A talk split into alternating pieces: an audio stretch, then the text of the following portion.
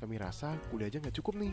So, kami bawa kuliah keluar kelas di podcast Nyambi Nyambi, kuliah.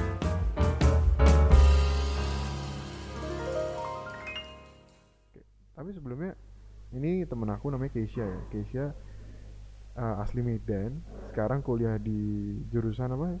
di jurusan peternakan Universitas Diponegoro. Peternakan tuh fakultasnya atau jurusannya? Jurusan peternakan, kalau fakultasnya sendiri di Fakultas Peternakan dan Pertanian. FVP ya? Ya, FVP. Oh, I see, terkenalnya. I see. Em, terus aku bingung sih sebenarnya pada dasarnya. Ah, impresi awalku adalah, oke di Undip kita punya apa sih namanya itu kayak Banyak sekali jurusan. enggak itu loh apa tempat rusa itu Ah, Oke. kandang rusa. Kandang rusa benar. agak unik ya hasil sebuah kampus punya kandang dan kandang biasa isinya apa sih ini rusa ya. Benar. dan kalian yang take care itu atau Ya, undip?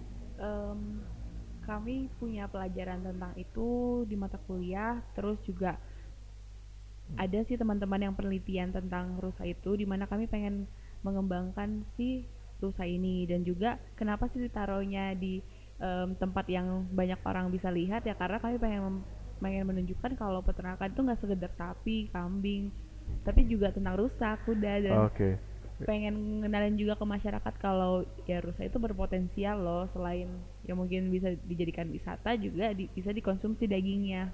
Oh iya. Bisa. Dan di Indonesia apakah wajar makan daging rusa? Nah wajar tapi em, karena peminatnya belum banyak demandnya belum banyak jadi pun kita suplainya masih juga belum berani Oh, oke banyak. oke. Kalau kamu sendiri pernah? Makan rusa? Heeh. pernah dan enak loh gimana? Jela- jelasin. Bedanya sama sapi sama kambing sama ayam? Em, kalau rusa itu lem- kalau diolah dengan baik pasti lembut. Tapi yang ngebuat beda pasti proteinnya lebih banyak lebih secara rasa? Secara rasa? Secara rasa Ah, enak. secara rasa. Nah mungkin karena paling mirip sama?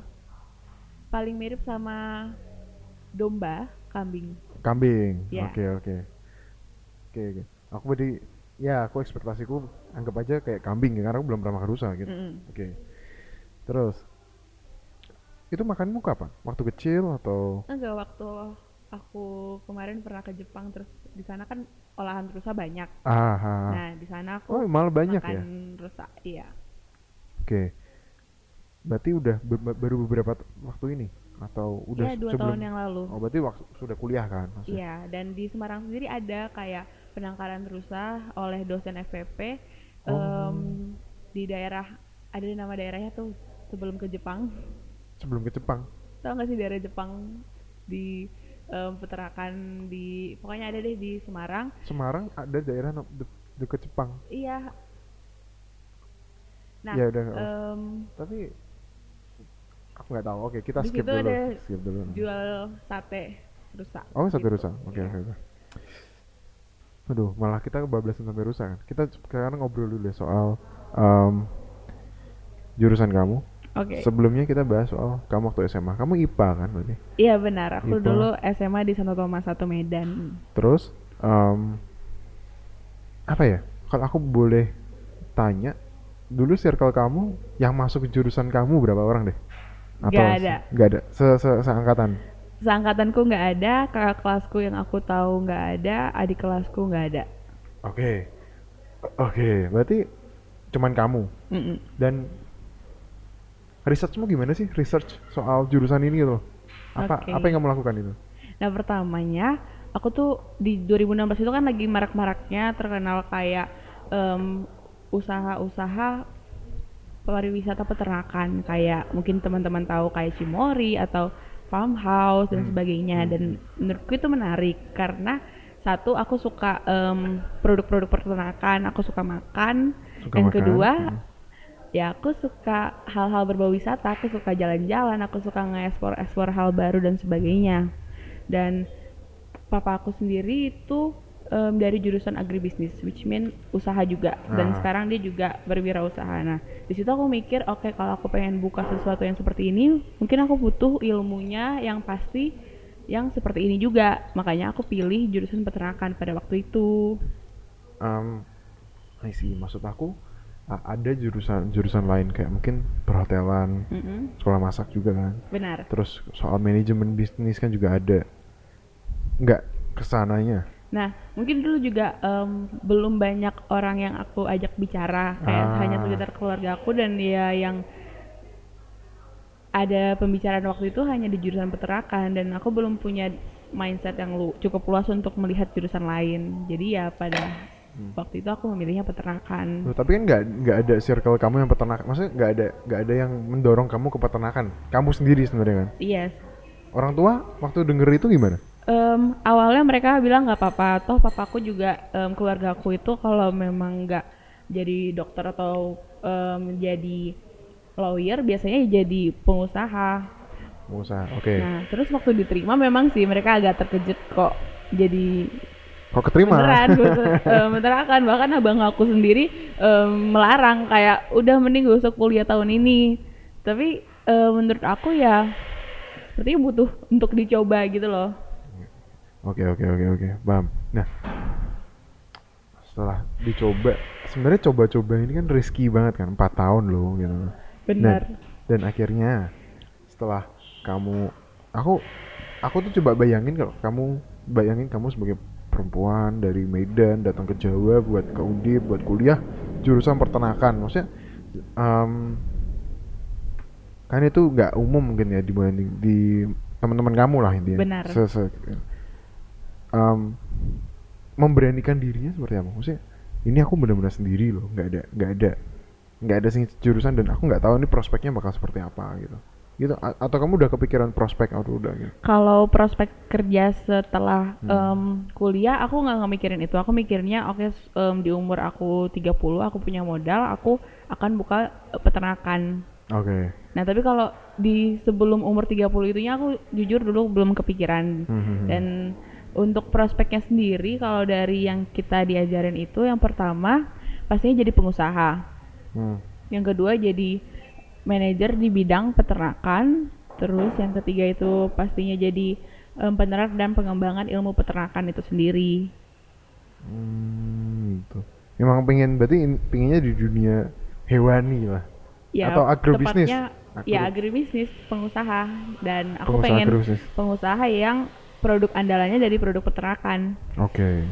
Berarti uh, kita step di awal bahwa uh, seorang ini ada uh, seorang mahasiswa peternakan goals akhirnya di dunia usaha. Intinya goal usaha usaha agribisnis, makanya dia masuk ke jurusan ini. Ya benar, Nanti aku bawa diskusinya akan ke daerah sana lah gitu intinya. benar. Nah, setelah itu em, kita akan masuk ke dunia kuliahnya dulu deh. Oke, kamu udah daftar, udah terima, udah lolos, macam-macam. Nah, setelah masuk belajar apa aja sih? Belajar apa aja sebenarnya? Oke. Nah, di jurusan peternakan ini itu tuh adalah ilmu yang spesifik tapi luas.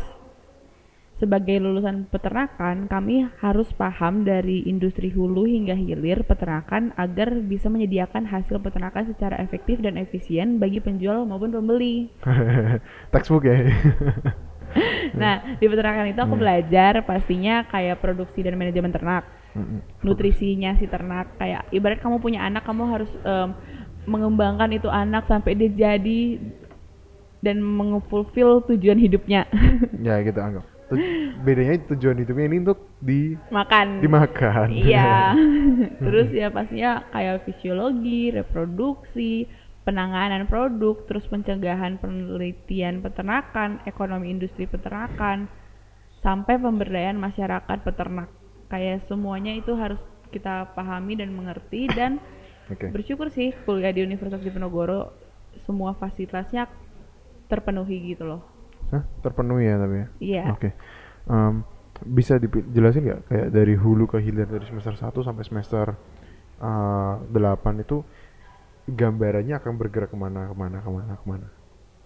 Pastinya kalau di akhir dari kuliah kita kan kita punya output yaitu skripsi. Skripsinya Nah, apa itu? kalau dari skripsi itu kan m- em, kita udah spesifik. Pastinya jadinya waktu di awal semester kita diajari hal-hal general di pertengahan kita mulai disuruh untuk memilih apa yang pengen kita penjurusannya ya? hmm, penjurusankan. Terus pada akhirnya kita memilih satu topik untuk kita dalami dan mungkin kalau misalnya kita pengen S2 kita bisa mendalami itu lebih lagi Oke, maksudku gini, um, dari research yang aku ambil, aku lakuin juga, kan kamu juga belajar manajemennya. benar Jadi ini lebih kayak teknik industri tapi ke agro bisnis gitu. Benar, jadi- Industrinya, teknik industri. Iya kalau teknik itu kan belajar semuanya dan Hmm. bisa masuk ke semuanya. Tapi kalau di peternakan em, kurangnya dia nggak bisa masuk ke semuanya, tapi dia bisa em, master di bidang itu. Oke, oke, oke, oke.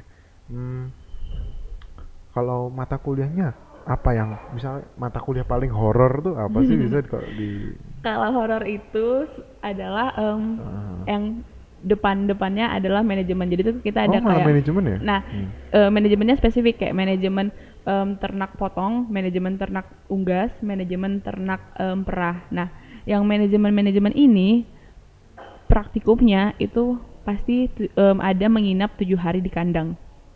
Itu oke, oke, aku dengerin dulu. Mm-mm. Bahkan kalau ternak unggas itu kan unggas kita ngepelihara itu dari eh, masih anakan banget sampai dia bisa dipanen. Itu kita bener-bener yang ke kandang tuh 30 hari. Dari persiapan dan sebagainya dan em, itu tuh em, terjadi di semester yang bertepatan yaitu semester 4. Berarti semester 4 bisa bilang horornya di sana ya. Iya, itu horor banget. Jadi bayangin ke kampus jam 5 pagi nggak boleh terlambat, terus pulang paling malam kayak gitu deh. Ah, Oke. Itu dalam keadaan masih ada kelas. Masih, masih ada kelas. Bahkan Praktikumnya dua. iya, bahkan lucunya banyak yang lebih takut sama asisten laboratorium daripada sama dosen. Jadi lebih milih ikut praktikum daripada ikut Iya, kelas. Oke oke aku get karena enggak ternyata pada dasarnya di semua jurusan juga gitu. Aku juga gitu waktu Oh, itu. ya? Karena kan kita di build waktu itu apalagi semester 1 2 kan itu kan uh, kaderisasi ada berbagai Mm-mm. macam jadi you know lah you name it. Um, di semua jurusan pasti ada dan ya kakak kelas bisa dibilang secara di, di secara mental kita lebih takut karena mereka ngepresnya real kadang ya Mm-mm. ke kita. gitu. Oke.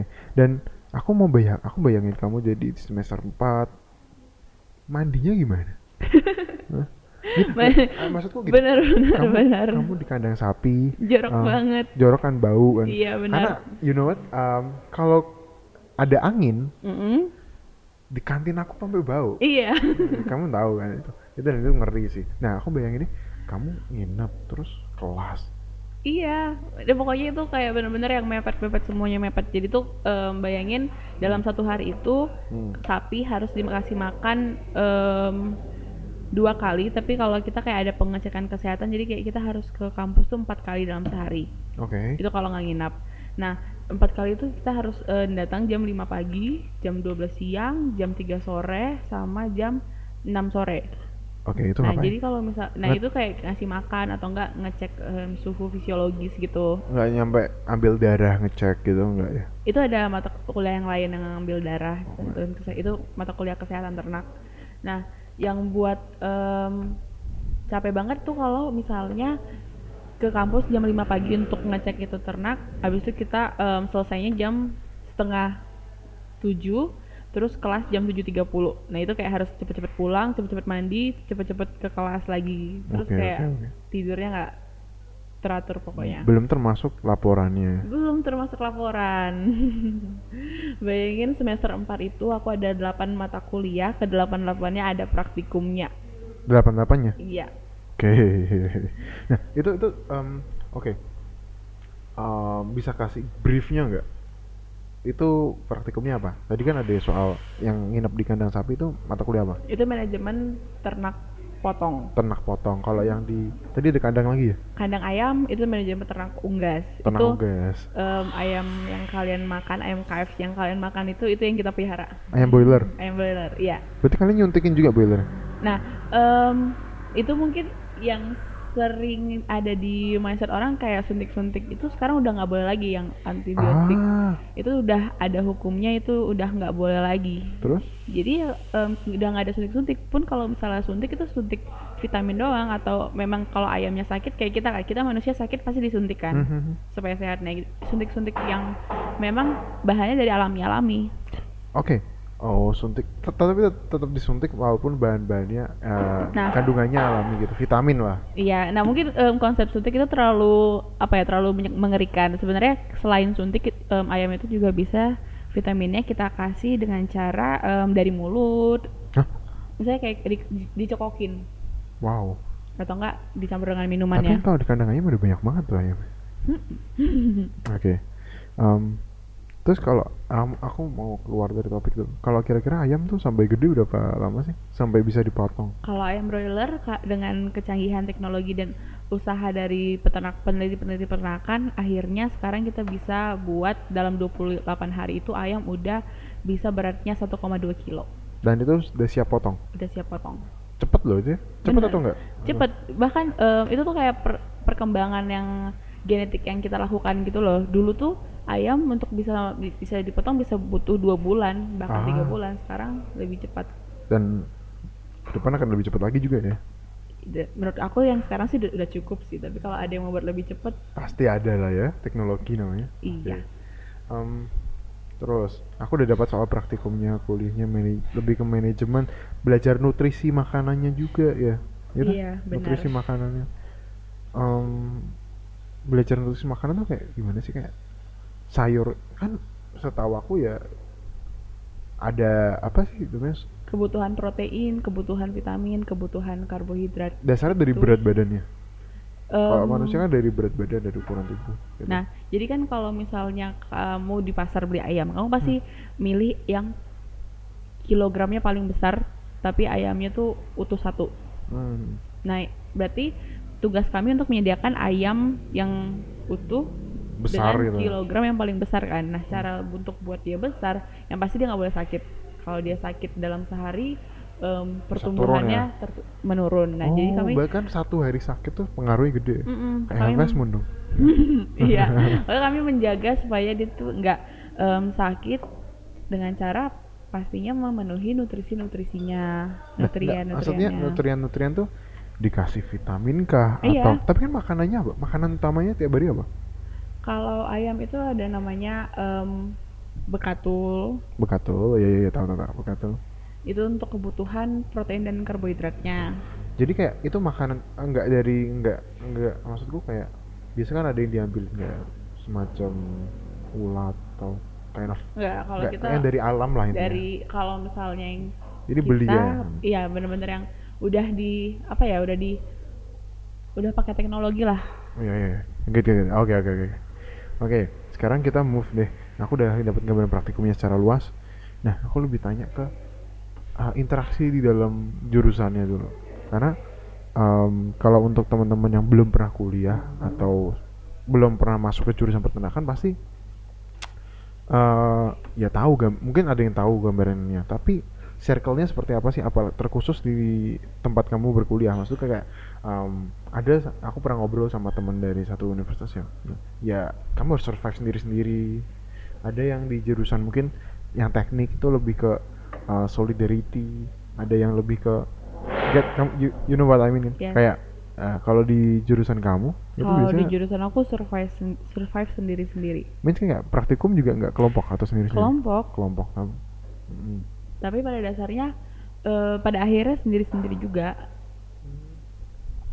Oke, terus kayak eh, apakah dengan kehidupan di kuliah di peternakan tuh kayak yaudah kamu karena aku bayanganku udah sibuk kan tadi kayak harus praktikum macam-macam terus kayak kamu dapet chance buat eh, untuk apa ya kayak mencari sesuatu hal baru yang lain di luar jurusan kamu gak gitu? Nah pastinya karena aku ngerasa kalau Mm-mm. aku lulus dengan jurusan peternakan aja itu tuh kurang banget skillnya. Aku pribadi Mm-mm. em, ikut kayak beberapa lomba di jurusan aku. Selain itu aku juga em, ikut sa- satu organisasi. Kenapa cuma satu? Karena ya memang di jurusan aku tuh cukup sibuk. Dan aku untuk mempertahankan IPK aku aku nggak mau ngambil terlalu banyak resiko. Dan ak- makanya itu aku ikut satu organisasi dan fokus di satu itu sampai sebu- semua skill yang aku butuhkan aku dapatkan Oke, em, tadi cerita soal lombanya, aku lebih aku penasaran ke lombanya dulu ya. eh, lomba apa sih yang diadakan untuk teman-teman peternakan tuh lomba apa sih? Nah, biasanya kalau trendingnya di peternakan itu em, seringnya mereka ikut lomba kayak PKM, SA, SISI, LKTI yang ngel- melatih mereka untuk em, penulisan ilmiah. Tapi kalau aku oke. pribadi, Penulis, bentar, penulisan ilmiah penulisan apa? Kayak eh, nutrien buat pakan. atau- kayak inovasi-inovasi baru yang sebenarnya mungkin dari penelitian dosennya atau dari anak Oh. muridnya punya ide Tapi baru. mostly lebih ke apa? Lebih ke eh, nutrisi atau lebih ke kayak em, menciptakan genetik baru sama menciptakan pakan baru. genetik baru. Iya, Berarti jadi itu lebih ke bio gitu. mensilang-silangkan Hmm. em, Kaw- kawin cilang kawin gitu-gitu. silang gitu. Oke. Risetnya ternyata gitu ya. Menarik. iya, ya. itu tuh mahal banget. Itu biasanya Ya, harus em, dana, makanya mereka ngambil dana, Dana dari PKM atau enggak em, minta dari fakultas. Oke, oke. Kalau yang kamu tadi apa? Tadi yang kamu Nah, kalau aku pribadi itu lebih suka ikut lomba yang nambah skill dan pengetahuan yang di menurutku di menurutku bilangnya menarik. Kayak program mahasiswa kewirausahaan. Nah, aku 2018 itu ikut dan puji Tuhan tuh dapat grant dari Undip Hmm. sebesar 8 juta. itu apa? Itu Belum. program mahasiswa kewirausahaan itu em, Apa yang kamu usahakan di sana? oh usahanya itu adalah em, bisnis scarf sama teman-teman aku. Scarf. Oh, berarti nggak nggak nggak align sama jurusan juga kan jatuhnya? Enggak, tapi aku belajar tentang kewirausahaan pertama kali di situ sih. Hmm. Terus aku juga ikut kontes putra putri FPP, putra putri Fakultas Peternakan dan Pertanian itu kayak kontes beauty contest, Oke, oke, bukan beauty kayak smart and beauty contest gitu deh. Nah, aku ngewakilin jurusan aku dan puji Tuhan dapet em, award best costume gitu deh. Best custom. Iya, lumayan sih dapat uang juga. Kamu pakai kostum apa gitu? Atau Enggak sih kayak dress biasa atau kostum sapi ya? enggak tuh. Hmm. Aku pakai em, baju yang bagus terus makeup Aku- yang aku- niat dan Eh, sebagainya. Ya, I know. Aku aku get, aku get. Tapi ada ya kayak gitu. Maksudku nggak yang FVP tuh hubungannya sama hewan, tumbuhan itu doang. Ternyata ada Enggak. ada kayak gitunya juga. gitu. Ada dan, dan lomba itu memang tujuannya untuk nge build branding anak FPP di, di mata yang lain. Kalau kita tuh nggak cuman ya, it- tahu itu doang, kita juga tahu fashion, kita tahu gimana em, cara berpakaian di kampus dan sebagainya. Karena itu biasanya stereotip orang kalau di jurusan peternakan. Apa ya coba? Kalau aku bukan diskredit salah sa- eh, salah satu jurusan apa ya, tapi kayak kadang ini peternakan ih bau atau apa? Karena kan ya emang interaksinya sama Ternak. sesuatu ternak ya nggak mungkin dong kita kasih eh ternak bau kita kasih deodoran kan nggak mungkin Nggak juga kan. mungkin. nah makanya em, itu stereotip stereotipnya sih. Tapi gini terus kalau yang kamu pernah dengar dan kamu alami sendiri deh stereotip dari teman kamu, dari orang tua, yang paling sering dari om tante, dari kerabat-kerabat yang tahu kamu jurusan peternakan kayak tanya, kamu jurusan apa? Peternakan itu apa? Kalau stereotip di peternakan, stereotip itu berarti sesuatu yang Yang ini loh kayak kalau teknik kimia, eh nah teknik kimia kamu buat bom ya gitu. oh gitu. Nah, kalau kamu, oh. Kamu em, megang pupuk sapi ya? oh gitu sering ya? Sering. Oh megang, tapi iya emang kamu megang juga. ada satu praktikum yang aku bilang manajemen em, ternak potong. Mm-mm. Nah itu terakhir itu kan kayak praktikum keberlangsungan dalam tujuh hari itu kita menginap terus di akhir itu em, terakhir terakhir dari di end of this praktikumnya kita disuruh megang Oh gitu. iya sama kakak kelasnya Dan itu, dalam rangka ngerjain atau? dalam rangka supaya kita dibuild jadi orang yang gak jijikan Dan itu emang perlu ya kalau di jurusan peternakan ya. Peternakan. Oke. Em, dan kamu sampai bete nggak gitu kayak apakah stereotip gitu? Hmm, banget. Oh iya, karena apa tuh? Karena ya karena em, pastinya mereka kayak memandang rendah kan. Tapi ya udah kar em, ya mungkin memang nggak bisa dilihat hasilnya sekarang. Dan aku juga yang ya memang nggak nggak salah sih yang apa yang mereka bilang. Tapi ya Hmm, terus terus. aku percaya aja suatu saat pasti ada hasilnya Oke oke. Tapi kalau ngeliat dari visi kamu kayak uh, 30 tahun, mau ini udah jelas sih. Kayak um, emang kalau ngobrol sama teman-teman gitu yang udah umur segitu, emang ada namanya kayak quarter life syndrome gitu kayak kadang ada orang-orang yang capek buat uh, di corporate atau di mana tuh kayak capek aduh ngikutin orang terus aku pengen buka usaha sendiri dan ya kamu udah ada goalsnya gitu dan itu jelas dan oke. Terus kita bu- aku mau apa ya ngobrol soal future lah. Mm-mm. nah di jurusan kamu di Indonesia apa possible future? Maksudnya uh, prospek pekerjaan dari jurusan peternakan ini tuh apa aja? Sebenarnya sempit. Bisa dibilang sempit. So, kayak gimana gimana? Jelasin dong karena em, kita kalau misalnya kayak dari jurusan manajemen itu kan bisa masuk ke mana aja kayak teknik industri bisa masuk ke mana aja. Tapi kalau misalnya kayak peternakan ya cuman di bidang peternakan itu. Ya jadinya ya prospeknya kalau nggak jadi pengusaha ya kamu jadi eh, manajer di bidang peternakan atau peneliti. Hanya tiga hal itu aja yang ke- yang jurusan peternakan bisa capai. Kalau di pabrik bisa nggak kalau di pabrik pabrik pakan bisa Hmm, tapi memang yang memang seputar peternakan Oke. Dan awareness soal ternak di Indonesia menurut kamu gimana?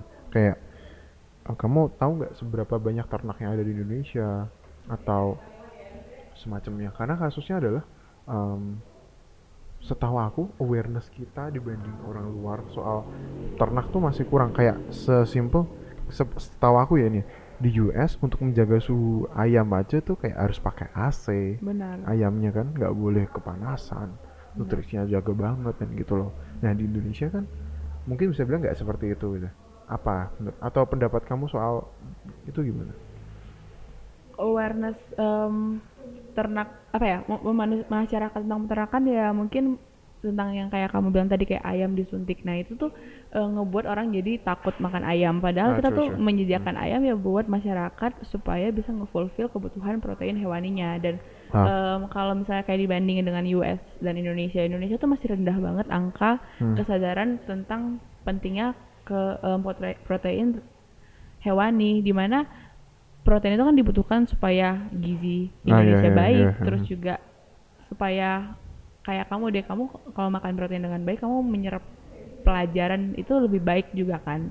Oh jadi orang Iya, tuh kayak mhm. jadi lebih pintar gitu loh kalau misalnya makan protein dan sebagainya. Nah nutrisinya tapi tercukupi nutrisinya ya. tercukupi. Mhm. nah banyak orang Indonesia belum em, Belum aware. sadar dan belum mau kayak membeli harga mahal untuk em, hal untuk hal-hal yang seperti itu. Ah, oke. Mungkin kayak gini em, kita aware bahwa kita butuh nutrisi yang bagus.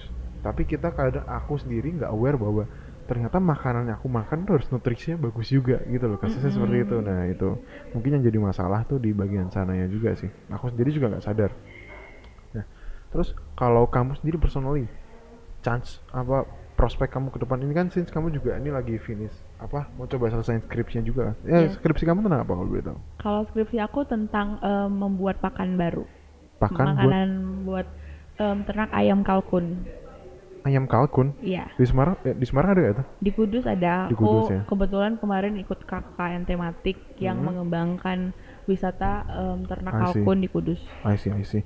Terus em, boleh cerita sedikit soal sk- skripsi kamu nggak? Karena eh, ya since kita juga masih sangat ah, masih shallow Oke. banget informasi soal jurusan peternakan at Nah. least mungkin skripsi kamu bisa bantu. Nah, kalkun ini merupakan yang sedang dikembangkan sama Fakultas Peternakan dan Pertanian. Hmm. Kita pengen supaya masyarakat tuh sadar kalau kalkun ini enak dan juga proteinnya sama baiknya dengan ayam dan sama dengan baiknya dengan sapi. Nah, Oke. mungkin harganya memang sekarang masih mahal, nah tapi itu em, ketika banyak orang yang demand kalkun, supply-nya pun juga semakin bertambah dan Hmm. ketika supply-nya banyak, ya bisa jadi harganya bisa lebih murah dan kalian bisa mendapatkan kalkun dengan lebih mudah.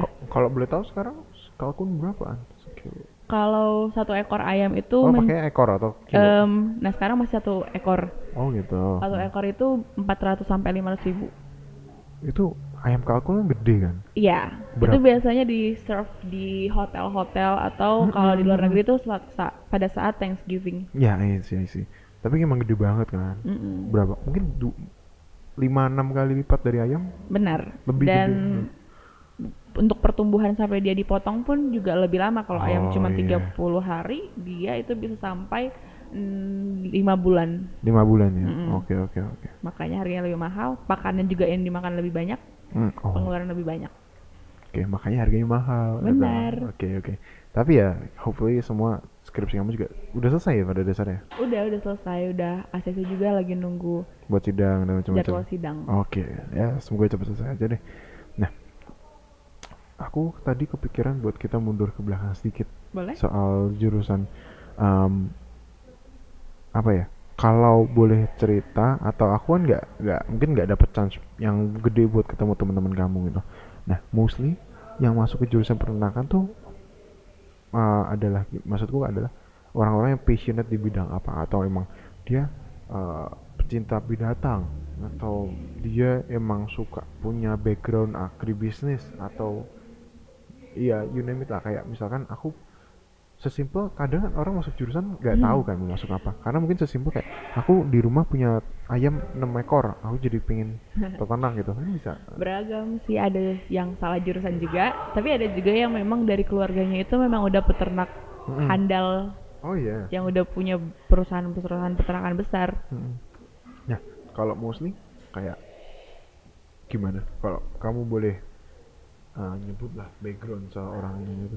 Nah, aku punya teman yang memang dia punya peternakan besar Hmm. dan aku banyak belajar sih dari dia kayak gimana keluarganya ngembangin peternakan itu dari satu generasi ke generasi selanjutnya dan gimana dia bertahan kan banyak tuh kayak harga harga hewan-hewan itu naik turun. Jadi supplier ya bisa gitu. ya? Nah, iya gimana dia ngehandle dan sebagainya dan gak jarang kayak em, dia harus menjual ayam gratis karena benar-benar harus Hmm. Over over supply ya atau mm, oversupply dan sebagainya dan aku jadi belajar em, oh ternyata yang aku pelajari di kampus teori sama prakteknya itu beda banget aku harus bisa Nah, nge-manage itu. Nah, em, Nah. mana- manajemen em, kalau ada krisis-krisis seperti itu aku harus berpikir bagaimana berpikir em, memutar otak harus cepat dan tepat gitu Oke. Tapi di jurusan kamu, kamu di shape buat jadi apa? Means kalau aku ya di teknik kimia, ya aku di shape buat jadi engineer, tapi soon bisa buat pabrik sendiri. Mm-mm. Makanya aku skripsiku bikin pabrik. Kalau kamu kalau aku em, di- dari Hmm.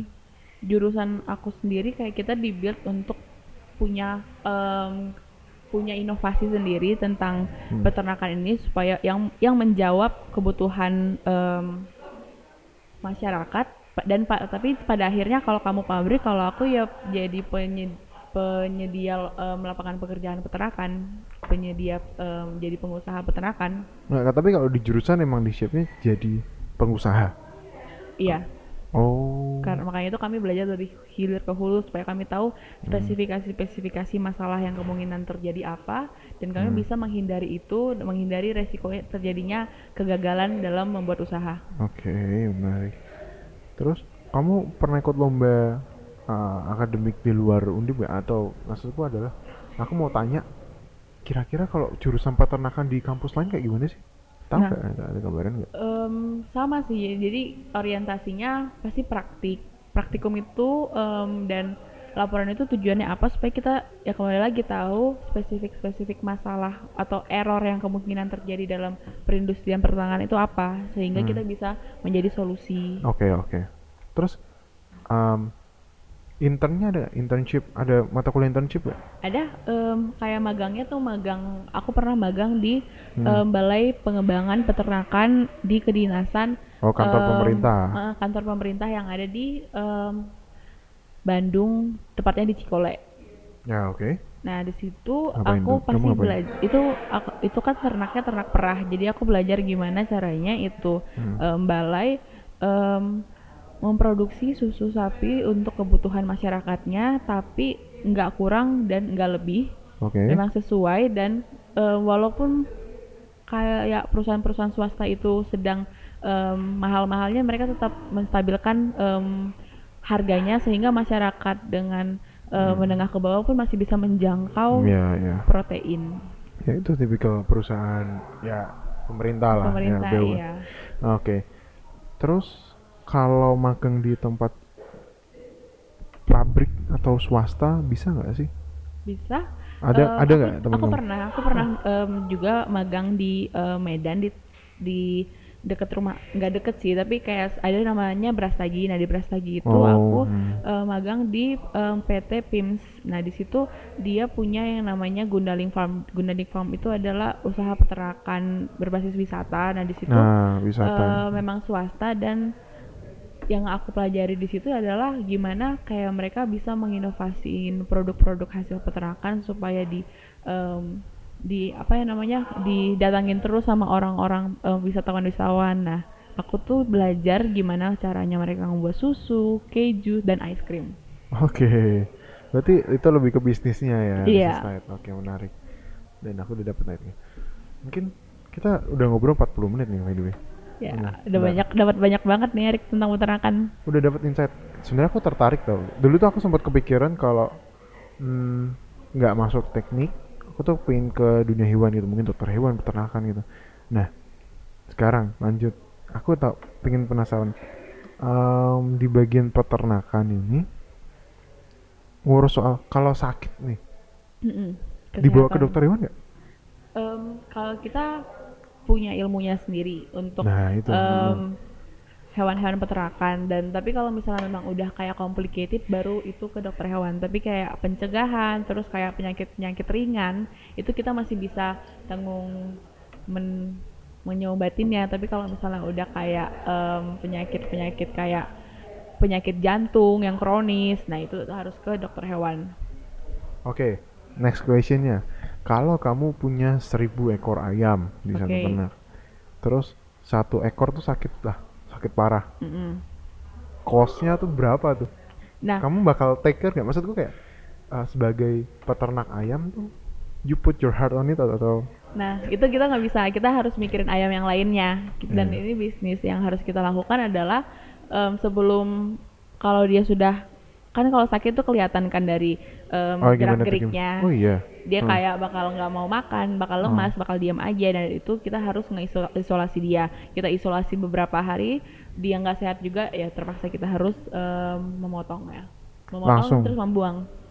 Nggak boleh Oh. dikonsumsi kalau memang sakit. Hmm, tapi per- penyakit pernah nggak kamu kasus yang kayak sakit gitu? itu gitu? pernah waktu aku mata kuliah em, manajemen ternak unggas itu pasti ada aja yang sakit bahkan kita melihara 500 ekor ayam itu tuh 10% pasti ada yang sakit Oke, 10% tuh angka yang gede ya. Iya. maksudnya. Iya, oke oke oke oke. Dan itu semua didapat di jurusan peternakan gitu. Iya. Dan semua dapat ya. mungkin orang mikir kalau kalau mungkin aku mikir kalau misalnya aku bukan jurusan peternakan aku bukan di usaha ayam broiler 22.000 ayam 22 ribunya aku bisa jual aku bisa dapat uang dari 20.000 tapi ternyata enggak kita juga harus bisa memikirkan pasti ada aja hewan yang sakit hewan yang tiba-tiba mati dan tiba-tiba bisa tuh kayak penyakitnya tuh penyakit em, influenza itu bisa menyerang seluruh eh, 22.000 ekor ayamnya 22.000 ekor ayamnya terserang nggak bisa dijual ya kita harus membuang itu itu pasti terjadi Bisa terjadi ya. bisa terjadi Oke. Sama sapi beda ya? Tapi sapi sakit treatmentnya lebih susah ya? iya kalau sapi itu Pernah nggak itu kayak ngalamin? em, mungkin seringnya itu sakit kalau misalnya dia mau melahirkan nah Oh. nah itu yang kita harus yang kita bingung kita apakah ini anak bisa dilahirkan atau enggak kalau eh, memang beresiko untuk apa namanya kayak misalnya dia em, kandungannya itu harusnya udah lahir tapi belum lahir-lahir sehingga anaknya di dalam mati ya udah kita harus em, memotong em, mengoperasi sapinya mengeluarkan anaknya terus menjahit lagi ya udah anaknya memang harus mati gitu kayak hal-hal seperti itu bisa Treat kayak terjadi manusia ya. Oke oke. Oke cool. Mungkin um, habis ini kita lanjut ke conclusion aja sih kayak aku mau tanya um, bagi kamu kasih satu kalimat kenapa orang harus masuk jurusan peternakan? Dan kenapa orang itu nggak perlu? Kayak misalnya gini uh, aku ragu nih mau masuk jurusan peternakan. Aku butuh endorsement dari orang lain. Butuh uh, ya dita butuh ditarik lah. Nah kamu kalau mau narik aku kira-kira statementnya kayak gimana? Misalkan kayak nih kamu keren kok kamu punya visi buat jadi bisnisman di bagian agrobisnis masuk peternakan tuh paling cocok gitu. Nah kalau kamu menurutmu orang-orang apa yang paling cocok buat masuk peternakan nomor satu orang yang orang tuanya punya peternakan oh iya sih karena possibility-nya sangat besar untuk mengembangkannya oh karena itu long term bisnis juga kan Benar. Terus? yang kedua orang-orang yang punya modal Oke, enggak. Sekarang eh, modal eh, untuk iya, peternakan iya, besar. Iya, iya. Ya. Terus yang kalau orang yang mau masuk jurusan peternakan lainnya? kalau kalian em, ya kalau kalian merasa kalian bagus dalam em, apa ya kalau misalkan nggak punya modal tapi kalian bagus dalam mencari i- investment dan sebagainya boleh Nah, tapi kan itu bisa masuk manajemen, bisa masuk apa. Tapi yang Iya, benar. spesifik yang mau masuk peternakan tuh orang-orang yang mau apa sebenarnya? yang mau buka usaha peternakan Di bagian di ternak lain ya, berhubungan sama ternak. Nah, kalau kalian misalnya mau buka em, mengembangkan peternakan misalnya kayak hal-hal yang unik misalnya kayak kalkon itu masih unik kan atau Hmm. enggak domba nah Ya, domba ya. yang wisata-wisata peternakan itu Wisata peternakan. bisa Mm, mm, mm. Terus em, satu kalimat orang-orang yang biasanya keluar dari jurusan peternakan tuh orang-orang yang seperti apa? orang-orang yang nggak kuat dengan praktikum Praktikum, maksudnya dealing dengan hewan-hewan. dan nggak bisa nge-manage waktunya Oke. Tapi mostly memang mereka nggak kuat sama praktikumnya ya. Mm-mm. Tapi maksudnya adalah praktikumnya berhubungan sama hewan. Benar. Berarti masalahnya di hewannya atau di waktu praktikumnya atau kalau di jurusan peternakan undip mungkin eh, di waktu mereka mereka nggak bisa nge-manage waktu dengan baik ah, I see, I see. Dan itu mungkin sama ya di semua jurusan yang di universitas yang lain ya atau kemungkinan besar sama tapi em, tergantung lagi kan bi- biasanya kurikulum setiap universitas beda beda kan ada yang praktikumnya Oke. itu 30% tapi kalau di undip tuh 60% praktikum 40% Oh. teori gitu ya? Mm-mm. Mau lebih banyak praktikum. Oke, I see. Pantas dia luas banyak banyak apa? kandang-kandangnya Kandang-kandangnya. laboratoriumnya Hmm. Labnya juga gede ya. Oke. By the way, oh berarti gitu um, informasinya. Thank you Keisha udah cerita sharing-sharing. Semoga teman-teman yang mau masuk ke jurusan peternakan atau yang berpikir buat masuk, mereka bisa dapat insight baru dari pelakunya dari ya, Iya. yang jurusan peternakan supaya bisa decide, oke aku mau masuk sini atau enggak. Gitu. Oke, begitu. sama-sama. Jangan lupa buat teman-teman yang pengen masuk jurusan peternakan, em, kalau kalian em, memang punya cita-cita, ya jalani aja mau apa kata orang, kalian terobos aja sampai kalian dapetin apa yang kalian dapet. Ini cerita biar- pribadi ya. Ya, biar em, ya udah kayak nggak usah takut sama apa yang akan dihadapi, tapi hadapi aja. Nah, mungkin put aside gengsinya dulu lah. Mm-mm. Jangan gara-gara gengsi terus mau masuk jurusan yang wow wow. Wow, wow, tapi kalian eh, meluangkan ya nyari peluangan pekerjaan juga berebut mending kalian em, cari tahu apa yang kalian benar-benar pengen lakukan Mm. dan lakuin. Oke, true. Oke. Yaudah kalau gitu thank you. Selamat siang dan ya see you Rasa around. Thank you, udah cukup nih. Bye-bye. So, kami bawa kuliah keluar kelas di podcast Nyambi Nyambi kuliah.